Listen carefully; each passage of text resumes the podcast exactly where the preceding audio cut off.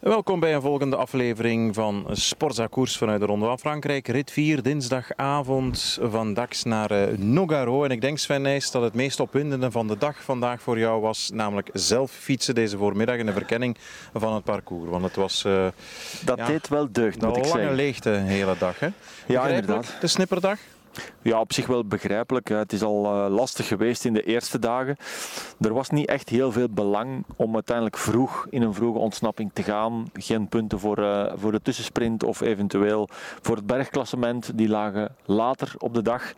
En als je ook kijkt wat er de komende dagen zit aan te komen, ja, dan kon je het wel voorspellen dat het een uh, wandeletappe ging worden. Maar dat kan de organisatie in principe toch ook voorspellen, dat ze dan misschien ergens naar steden start- of aankomstplaatsen zoekt die dichter bij elkaar liggen. Dat we daar gewoon heel eerlijk in zijn met elkaar. Van jongens, vandaag vinden we hier geen ja, geaccidenteerd parcours.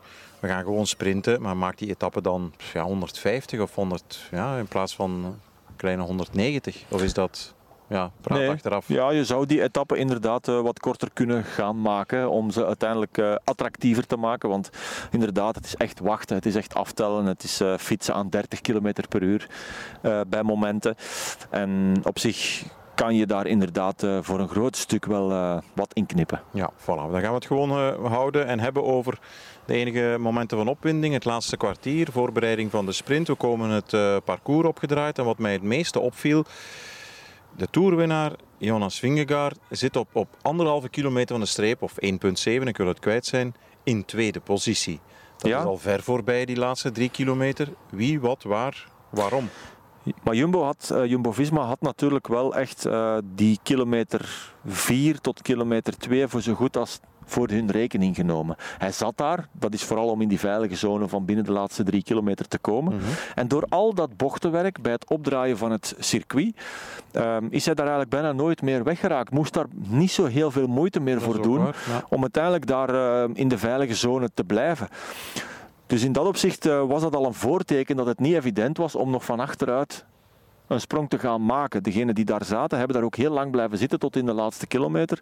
Maar bijvoorbeeld de mannen van de Emiraten en Ineos, die ook klassementsmannen hebben, die zie je in die twee sprintritten niet vooraan. Die houden zich daar niet mee bezig. Ik vind dat een beetje met, ja, langs de ene kant, waarom moet je daar zitten als de sprinters natuurlijk, dat is wat we vaak zeggen. -hmm. uh, laat ze daar alsjeblieft niet meer zich mee moeien. Ze willen in de veilige zone uh, zitten. Dat is de reden dat, dat Jonas, daar, uh, Jonas Vingegaard daar wel zit. Ze pakken wel een risico, hè, want stel je voor dat ze vallen. Die mannen van de Emiraten Ja, en zit daarachter, Pogacar, zit hij daarachter, dan gaat er toch een, uh, een kloofje vallen. Dus ze pakken een risico. Ze hebben dat gisteren ook al gedaan, maar het is blijkbaar wel een bewuste keuze. Mhm. Enfin, we komen dat circuit op. Ehm, ja, een bende losgelaten en geslagen stieren, want die hebben de hele dag niks eh, gedaan. Dan weet je gewoon dat het om problemen zoeken is door de wilde ingesteldheid van het lichaam op dat ogenblik. Philippe Gilbert, die ook op de motor zit, die kwam afloop zeggen, ja, er lag veel ehm, ja, rubber nog van banden op het autocircuit op, op, eh, op de weg. En dat zou een oorzaak zijn. Wat denk jij daarvan? Ja, ik heb er zelf op gefietst en het viel mij niet direct op. Ja. En ik uh, moet toch ook vaststellen dat de valpartijen vaak individuele valpartijen waren. Het was niet echt de massa uh, valpartij. Het was uh, twee renners links, twee renners rechts. Gewoon de chaos van iedereen wil daar nog vooraan zijn plaatsje gaan innemen en heel veel bochtenwerk. Dus echt wel heel veel keren en draaien in die laatste twee kilometer. Ruime bochten, niet echt scherp. Ook heel veel ruimte, waardoor ze van alle kanten kunnen komen. En dat zorgde ervoor dat renners met elkaar in contact kwamen. Soms ook echt onoplettendheid in die laatste kilometer, met Weirenskuld bijvoorbeeld. Dat is echt zijn eigen fout dat hij daar tegen de grond gaat en neemt ook nog andere renners mee. Dus het heeft niet altijd te maken met uh, dit parcours was niet veilig. Het is ook gewoon de chaos van mannen die daar echt willen zitten en plaatsjes creëren die er eigenlijk niet zijn. Even kijken naar Mathieu van der Poel. Wat hij gisteren deed was indrukwekkend. Ben je het met mij eens als ik zeg, ja vandaag van der Poel, wat hij doet, je zal het er dadelijk over hebben, wat hij exact doet. Maar ja, de overwinning van Philipsen is toch wel 90, misschien 95 procent op konto van uh, Van der Poel. Als Van der Poel op dat moment de move niet maakt, om Girmay opzij te zetten. Ja, voilà, dat, Ja, dat ja, dacht ik net te zeggen. Dan, dan kan Philipsen nooit meer in stelling komen Ja. om nog eventueel te sprinten. Gisteren was het de pure snelheid. Vandaag was het gewoon een, eh, een gaatje creëren. Dat is indrukwekkend wat Van der Poel daar doet. En inderdaad, dat is... Uh, Vol op de pedalen, hè, want hij staat op dat ogenblik recht op de pedalen. Ja, schouder tegen schouder, gewoon ruimte creëren, klein tikje, links, hop, ruimte, sprinten en dan Philipsen gewoon meebrengen en perfect, perfect afzetten.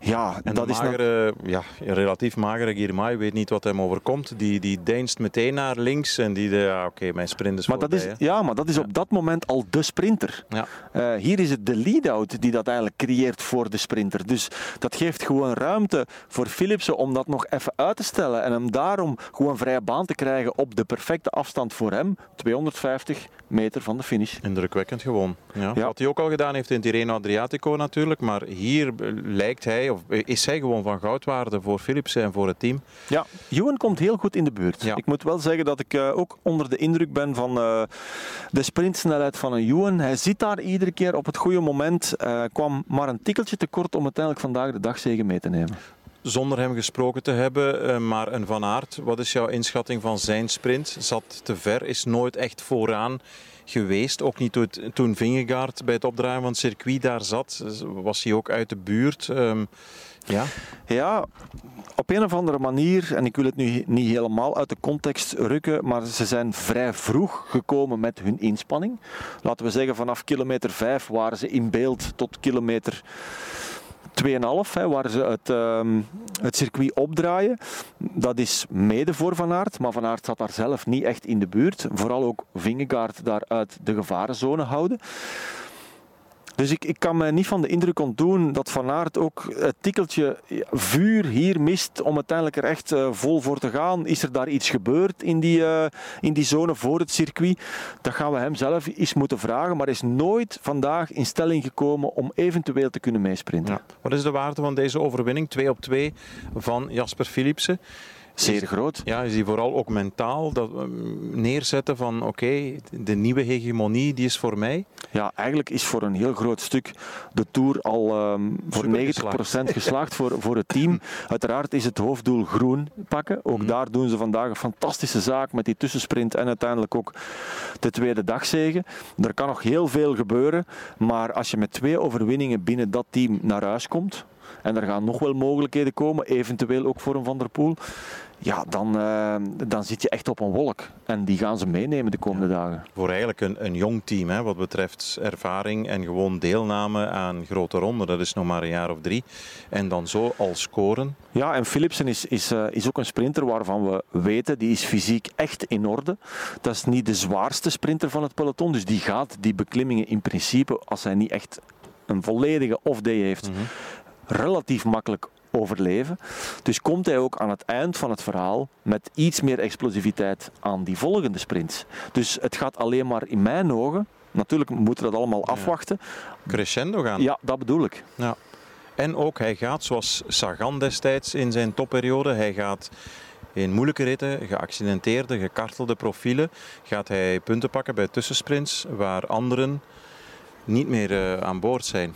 Nee, de vraag is natuurlijk in hoeverre gaan, gaat de concurrentie zich daarmee blijven bezighouden. Om iedere keer, dat hebben we nogal gezien in het verleden, op een gegeven moment dat er niet echt nog iemand concurrentie wil bieden. Petersen gaat het wel blijven doen, hè Sven? dat denk ik ook. Uh, Mats Petersen is degene die overal meesprint, die ook altijd wel punten haalt uh, als het over de dagzegen gaat. Komt Bergje nog... over kan. Ja, dus uh, dat is inderdaad zo. En dat gaat ook, denk ik, op lange termijn nu zijn belangrijkste concurrent worden. Ja. Oké.